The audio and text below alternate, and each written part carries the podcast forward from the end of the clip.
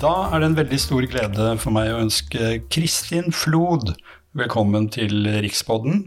Jeg heter Stig Fossum, og vi skal ha en prat om bl.a. klassikere. Jeg har lest et sted om deg, Kristin. Du skriver på din egen hjemmeside. Jeg er en klassiker, jeg elsker klassisk kunst, klassisk musikk, klassisk litteratur. De store mesterverkene. Jeg tror de lever evig, for de har noe evig å fortelle oss. Og jommen meg har du ikke nylig, eller nylig, utgitt har kastet deg over et stort mesterverk. Ikke noe mindre enn Dantes Inferno. Hva har han å si oss i vår tid? Aller først, Stig, tusen takk for denne invitasjonen. Eh, det er en ære for meg å få lov til å delta her på denne poden deres, for jeg er veldig opptatt av språk. Og eh, naturligvis klassikerne. Jeg har bodd i Venezia i 30 år. Eh, både i Norge i 30 år også.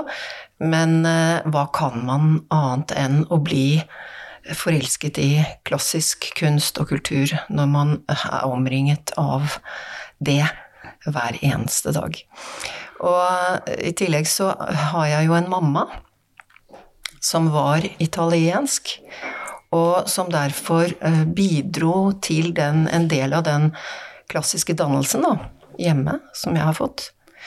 Og eh, når det gjelder Dante, så var jo på en måte hun en inspirasjon til å være nysgjerrig på Dantes store verk, altså Den guddommelige komedie.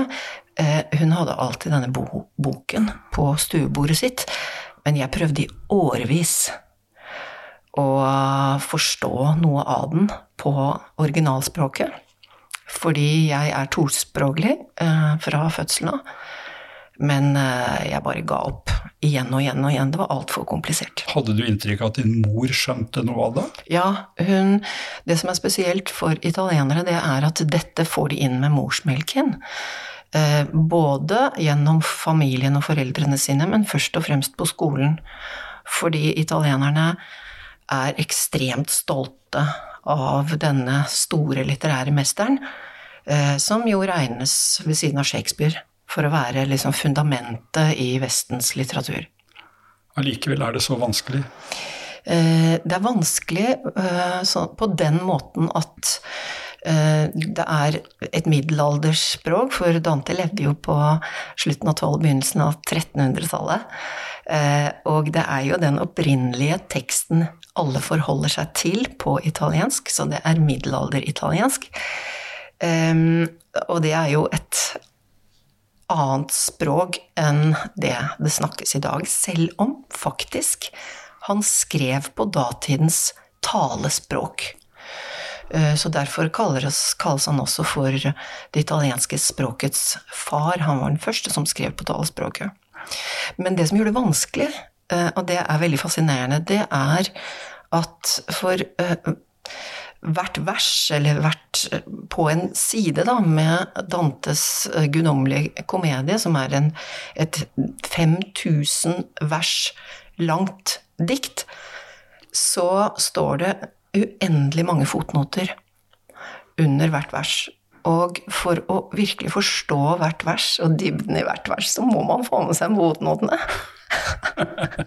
så du kan si at eh, dette får man hjelp til når man går på italiensk skole. Eh, og eh, hvis man selvfølgelig studerer verket, så, så, er det jo på en måte en måte å studere på. ikke sant? Å lese fotnotene og forstå. Så dette er også på mange måter en språkopplæring, da, for så vidt, for italienske barn når de blir møter Dante allerede i skolealder? Absolutt. Og det som er veldig morsomt, da, det er at de hele tiden i undervisningen refererer til de ordene og uttrykkene som Dante selv skapte på 1300-tallet, og som er en del av dagligspråket i dag. Han er jo litt sånn sint Han må jo ha levd nesten parallelt med Snorre, han da. 1200-tallet. Snorre levde vel på 1200-tallet. Kanskje de kjente hverandre? Kanskje de møttes. Det er en ganske morsom historie, fordi at jeg har holdt på med av denne fascinasjonen omkring Dante, spesielt de ti siste årene, og har lest mange kuriøse historier. Og en av de kuriøse historiene faktisk eh, eh, kommer faktisk fra Snorresagaene.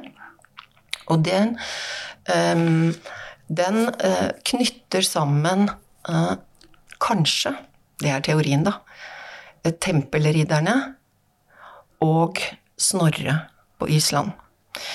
Og um, i kjølvannet av denne kombinasjonen, litt kuriøse kombinasjonen, så um, kom en italiener ut for sånn ja, ca. 10-12-13 år siden ut med en bok som han kalte for Dante på Island. Hei. Og han hadde gjort masse research uh, fordi han uh, mente å ha funnet spor på Island av geografiske steder som han gjenfant i Inferno. Fascinerende, da. Ja, veldig fascinerende. Og, og, denne forfatteren hadde altså fått med seg eh, et team på research, reist til Island, gjort arkeologiske utgravninger. og, eh, og, disse Det var både islandske og andre og forskere fra arkeologer fra andre land Eh, som da mente at Dante hadde beskrevet spesielle steder i Inferno som lignet veldig på steder de hadde funnet på Island. Nå i våre dager kan man jo faktisk eh, kanskje skjønne det ved disse vulkanutbruddene. Det er jo et inferno på Island. Kanskje det var et vulkanutbrudd da hvis Dante faktisk har vært der, hvem vet. Hvem vet.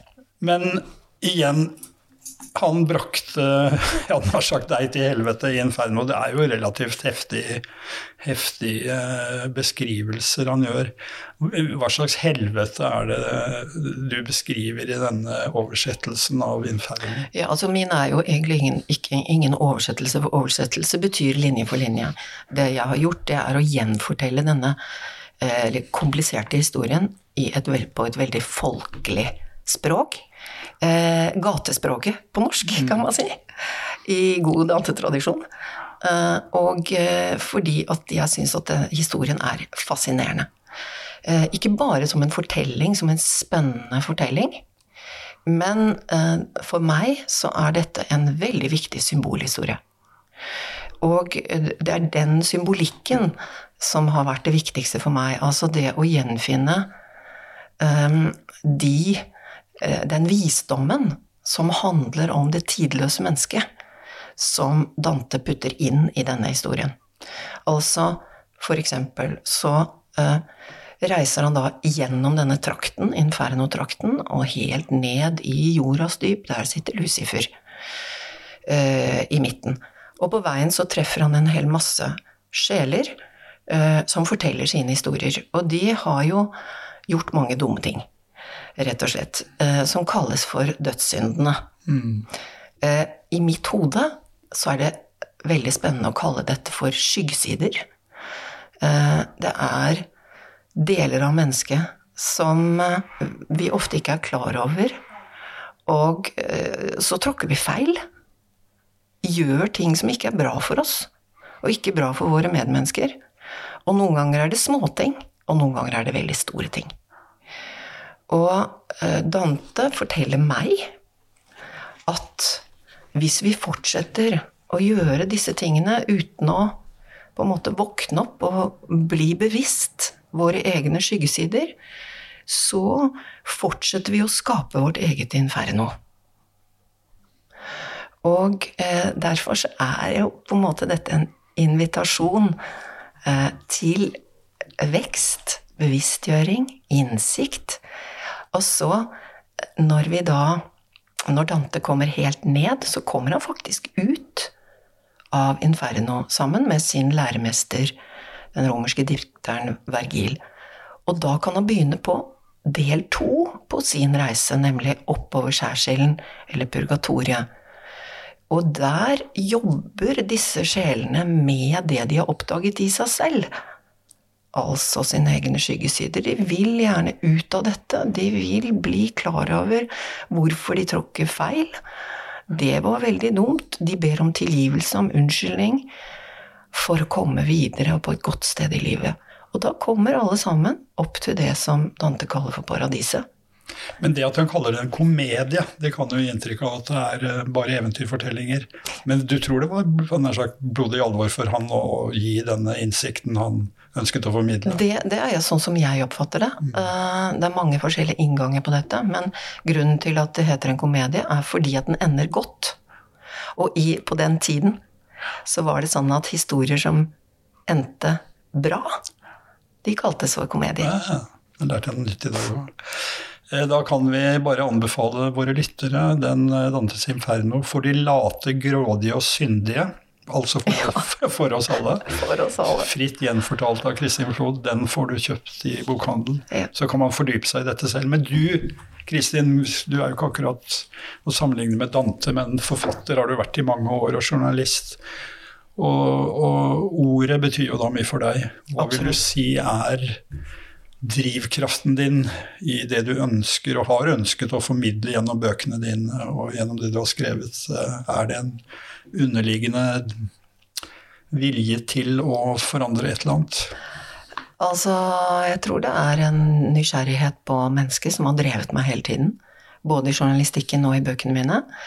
Eh, en nysgjerrighet på kanskje på den delen av oss mennesker som, vi, som ikke er så tydelig, som ligger mer skjult, mer gjemt. Eh, som handler om veldig mye om disse to delene av oss. Både den åndelige delen av oss og den psykologiske delen av oss. Og ikke minst krysningspunktet mellom disse to, som jeg har vært veldig opptatt av. Så jeg har jo brukt uh, meditasjon, kontemplasjon, stillhet, sånne type verktøy da, for å utforske mitt eget sinn og min egen bevissthet. Og så har jeg eh, gjennom mange år gått i flere skoler, flere, undersøkt flere tradisjoner, og, og også gjennom kurs og retriter og samvær med andre fått en større forståelse. Litt større forståelse, men uh, det er som Sokrates sier, ikke sant uh, Jo mer vi vet, jo mindre vet vi egentlig. Så selve mysteriet, mennesket, det er fortsatt et mysterium. Like stort mysterium. Ja. Hvordan jobber du med ord? Altså, Å være forfatter er jo å sette ord sammen, skrive, naturligvis. Uh, er du veldig nøye med hvordan du forbereder deg i forhold til ordvalg og hvilke type begreper du bruker, eller lar du mye komme han er sagt, av seg selv? Nei, altså jeg, jeg, er veldig opptatt av den estetiske kvaliteten i språket.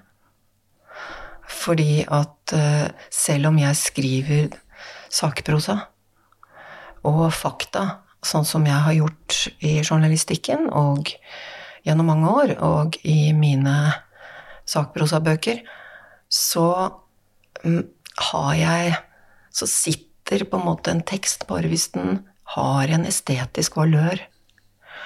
Og øh, kanskje kommer det også fra min italienske bakgrunn, det vet jeg ikke, fordi de er jo veldig opptatt av estetikk på alle plan i Italia. Og, men estetikken gjør noe med en setning. Den, den, den kommer liksom Den berører det på en annen måte eh, som er litt uforklarlig. Mm. Så den Det er kanskje vanskelig å gi noen eksempel på det, men jeg tror alle skjønner hva du mener med det. Ja. Eh, man kan jo si gjerne om ord at noen er velskrevne. ikke sant? Det er noe som klinger godt. Og mm. du jobber med formuleringer, for å si det slik, når ja. du sitter med manus. En annen, en annen, viktig bok du har skrevet, er jo at du har fulgt Frans av Assisi.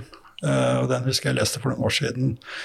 Og da, Det er jo en vandring også, estetisk vandring også, men vandring inn i hans univers. Og jeg vet du er også driver reise altså Du har reiser til eh, Assisi og, og guider folk rett og slett for å fortelle historien. Hva var det ved Frans av Assisi som grep deg sånn? Det var egentlig veldig overraskende, fordi at jeg meldte meg ut av statskirken da jeg var 19 år. Og jeg har alltid vært nysgjerrig på, på måte, det spirituelle i mennesket. Hva er det? Eh, men samtidig så fant jeg på en måte ikke i kirken det som jeg opplevde selv som spirituelt. Og da meldte jeg meg ut tidlig. Og eh, selv om moren min eh, var katolikk, og jeg bodde i Italia, så var det aldri noe i den katolske kirken som egentlig ropte på meg. Og så fikk jeg plutselig et oppdrag av uh, Stenersen forlag, som jo også var Kagge forlag, da. Og uh, av Erling Kagge, som uh, jeg hadde møtt tidligere fordi jeg jobbet sammen med pappaen hans, Stein Kagge, i Aftenposten. Og, og, han kontaktet meg og sa jeg vil gjerne at du skal skrive en bok om Frans av Assisi. Nei, det, det, det, kan jeg ikke. Jeg er ikke historiker, jeg er ikke teolog. Jeg er ikke interessert i helgener. Men så fikk jeg en veldig rar opplevelse i kroppen da jeg gikk ut fra det møtet. Det var akkurat som om alle cellene mine liksom begynte å forvandle seg til champagne. det var helt besynderlig. Og jeg har jo blitt, etter min kontemplative trening, veldig var på hvordan kroppen snakker til meg. Ok. Eh, sånn at da, da, da setter jeg meg ned, og så lytter jeg ordentlig hvis det er noen sånne litt kuriøse signaler. Så jeg tenkte ok, eh, nå skal jeg bare la dette være her, og så skal jeg se hva jeg våkner opp med i morgen tidlig. Og neste morgen så var de der fortsatt. Den følelsen av at dette var bare ja, liksom. Dette må jeg gjøre. Ja. Jeg visste ikke hvorfor. Og så ringte jeg tilbake så sa jeg jeg kan gjøre det hvis jeg kan gjøre det på en litt journalistisk måte. Som en historie om en kvinne som lurer på hvem er egentlig denne helgen? Hvordan kan vi forstå den i dag? Hva menes det med å gi bort alt man eier, liksom? Og da begynte jeg på en slags research da, for meg mm. om Frans. Og jeg kom på en måte på rare måter som jeg beskriver i boken, inn i hans univers. Og det var veldig, veldig sterkt. Men har det endret ditt syn eller din opplevelse av tro, ikke tro? Han jo, var jo en, en, Absolutt, ja, munk med et, eh, han hadde jo selv en veldig sterk eh, åndelig opplevelse som gjorde at han snudde helt om. Å ja, absolutt. Eh, det som han kanskje gjorde med meg og forholdet til den kristne troen, det var at han viste meg at det fantes så mange fasetter.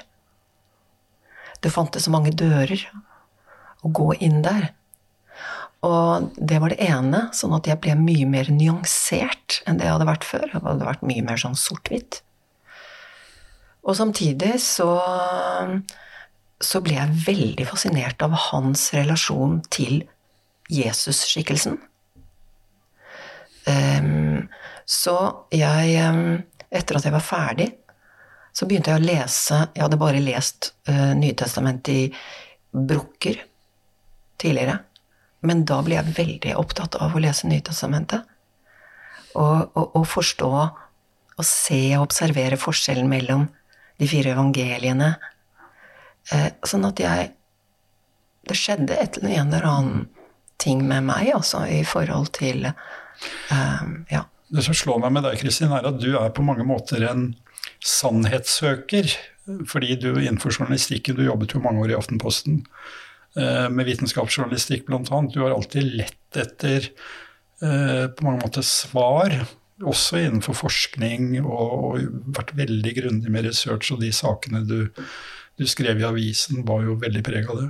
På samme tid så er du en sannhetssøker i, for å finne, som du selv sier, sannheten om oss som mennesker og livene våre.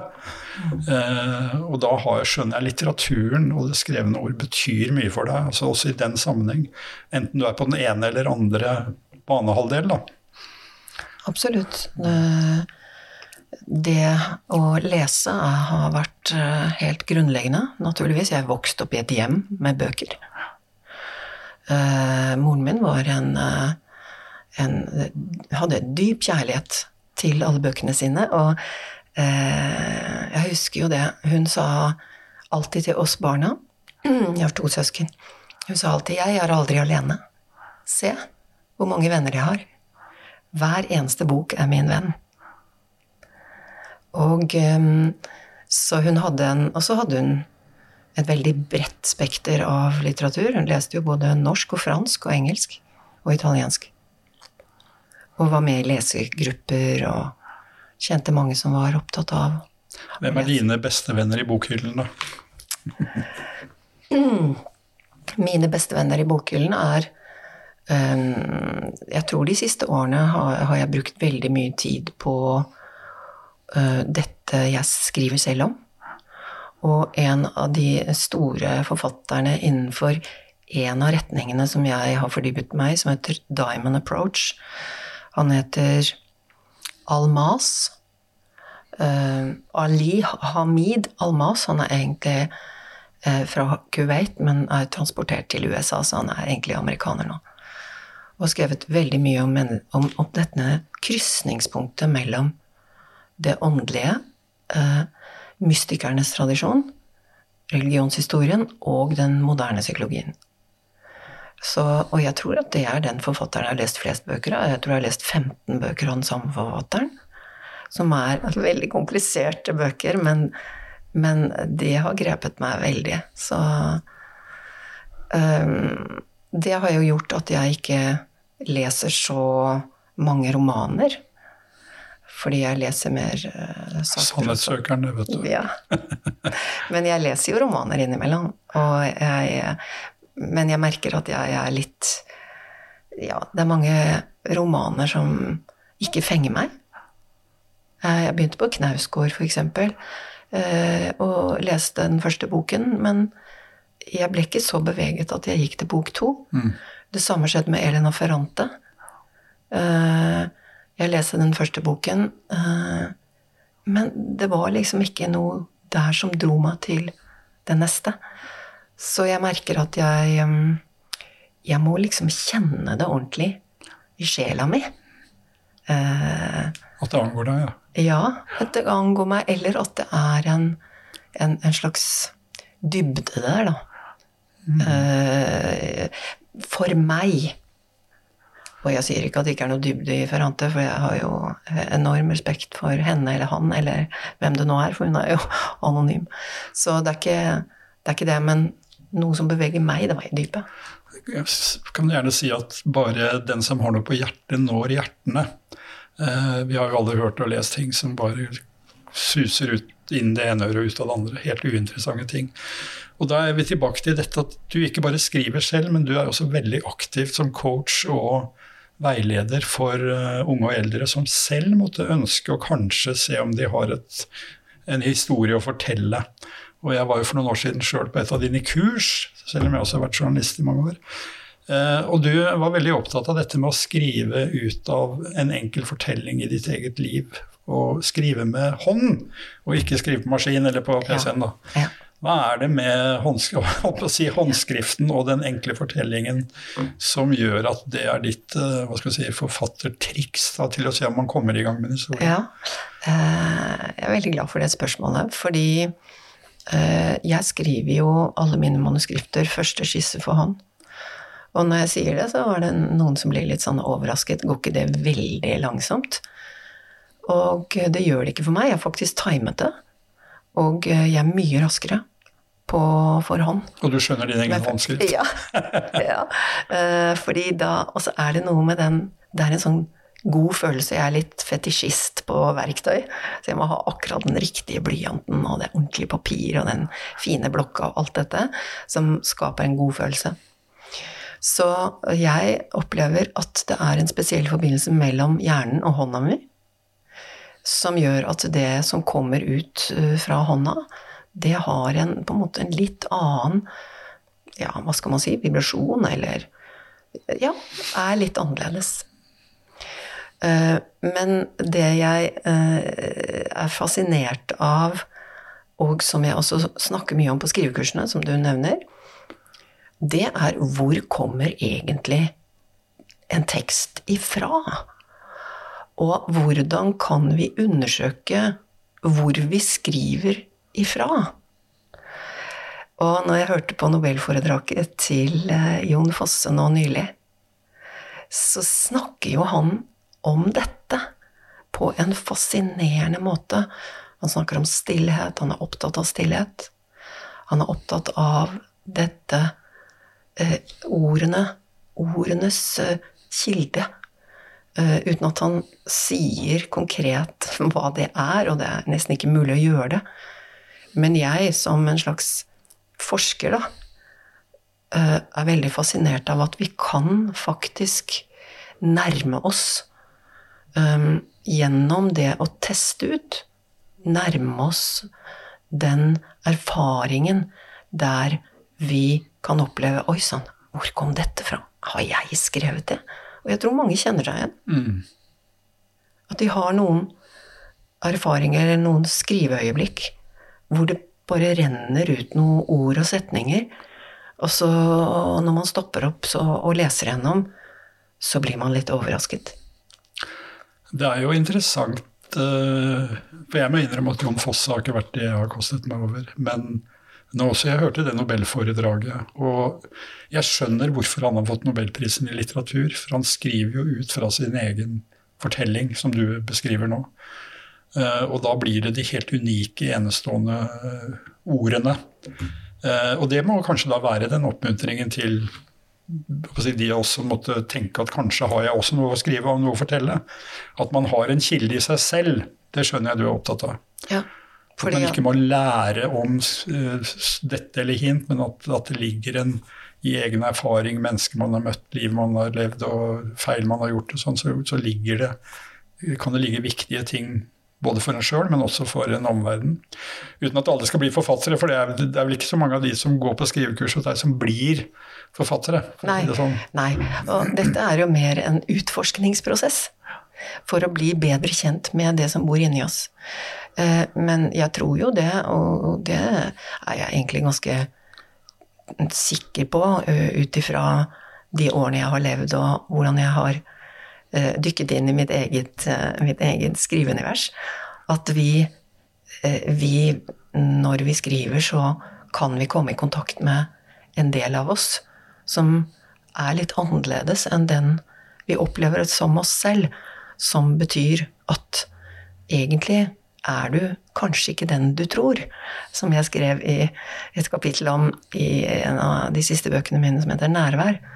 Altså, vi har Det bor en nydelig del av oss inni oss. Altså eh, Det finnes en klokere del av oss inni oss som vet egentlig bedre hva som er bra for oss, enn hodet vårt gjør. Og det syns jeg er veldig fascinerende å, å undersøke, da. Hva er denne eh, indre Hva er dette indre landskapet som, som, eh, og, og, hva skjer hvis vi eh, åpner tilgangen til det indre landskapet og lar det få lov til å leve mer? Kanskje en idé å begynne å skrive dagbøker igjen. Mm. At man om ikke har en forfatterambisjon, at man Nettopp. vil ha nytte av å skrive ned ting. Ja, også fordi det du nevner nå, det er veldig viktig, og det sier jeg alltid på kursene mine, at um, jeg, dere lærer ikke verktøy her, for verktøyene kan dere slipe, lære å slipe etterpå. Først få kontakt med det som virkelig er gløden. Det som er gleden og gløden, og det som på en måte bare bobler inni der. Og så er det viktig å slipe verktøy. Mm, det er jo helt essensielt. Ja. Eh, hvilke verktøy er det du skal slipe nå for? Eh, hvor, hvor ligger dine neste prosjekter, bokprosjekter? Er du, du, er kanskje i gang med noe allerede? Hva? Nei, nei, nei, jeg er ikke. Du går og venter på den champagneopplevelsen igjen? det er egentlig morsomt at du sier det, fordi um, jeg pleier nå å si Altså, nå har Dante grepet meg i ti år. Det er ti år siden jeg begynte å gjøre dette arbeidet med han. Og, eh, og hans tekst. Og, og fortsatt så kjenner jeg jo at det er noe som Nå holder jeg foredrag og reiser rundt og forestillinger og alt mulig sånt om, om, dette, men det er noe som lever fortsatt i meg om Dante. Og da det er jo to deler til av Den guddommelige komedien. Ja, jeg vet ikke om jeg skal dit. Er det nye 20 år? Det er det jeg venter på. Ja, Du venter på beskjed? Ja, jeg venter på skal... beskjed. Så du har ikke tatt noen beslutning om at Nei. Nei. Nei. Eh, signalet har liksom ikke eh, kommet eh, for fullt, fordi det er andre ting som eh, har måttet eh, skje. Ja. Så Men eh, jeg er i Ja, jeg er i undring. Mm. Og jeg er i Jeg er fortsatt i, kan du si, en research i forhold til Dante, da. Så Men samtidig så, så Jeg har liksom ikke fått den go-impulsen som sier 'yes, nå er det det'. Men du har jo også engasjert deg i eh, tidsspørsmål som Jeg vet du var en koronavaksineskeptiker. eh, Og du har jo engasjert deg veldig i det direktivet vi nå har fått vedtatt vedrørende Ja, helse, ja, absolutt. Den nye smittevernloven. smittevernlovgivningen. da. Mhm. Er du litt sånn konspirasjonsteoretiker, eller? Eh, vel, det, det har jeg ikke noe forhold til, det begrepet. Eh, men eh, jeg føler meg jo iblant som en aktivist. I forhold til det at eh, jeg er opptatt av hva som er sant. Og i hele dette kartet her er det så mye som er vanskelig å forstå, hva som er sant.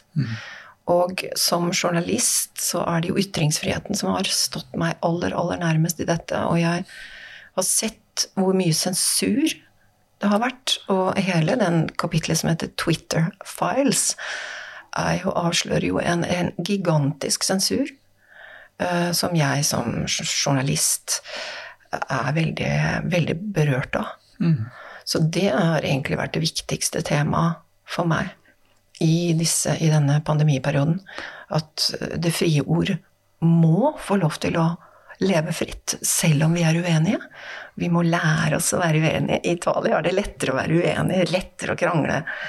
Eh, og dermed så er det lettere å ha å se forskjellige meninger. Eh, I Norge er det litt vanskeligere, syns jeg. Da sier jeg hjertelig takk til sannhetssøkeren Kristin Flod. Veldig hyggelig å prate med deg. Veldig hyggelig at du kunne komme innom. Takk Du skal du pendler mellom Norge og Italia, skjønner jeg. Ja, Så det vil være mulig å møte deg og, og fange opp foredrag og ting du gjør i Norge når du er her. Det er det, og uh, i, i Venezia gjør jeg mange morsomme ting for nordmenn. Så En ganske hyggelig by, da. ja. vakker og hyggelig. Tusen takk, Kristin. Takk skal Alt godt til deg. Stig. Takk, takk for meg. Rikspodden kommer på luften med sjenerøs støtte fra Tor Efdals kulturbibliotek, Bergesen-stiftelsen og Fritt Ord.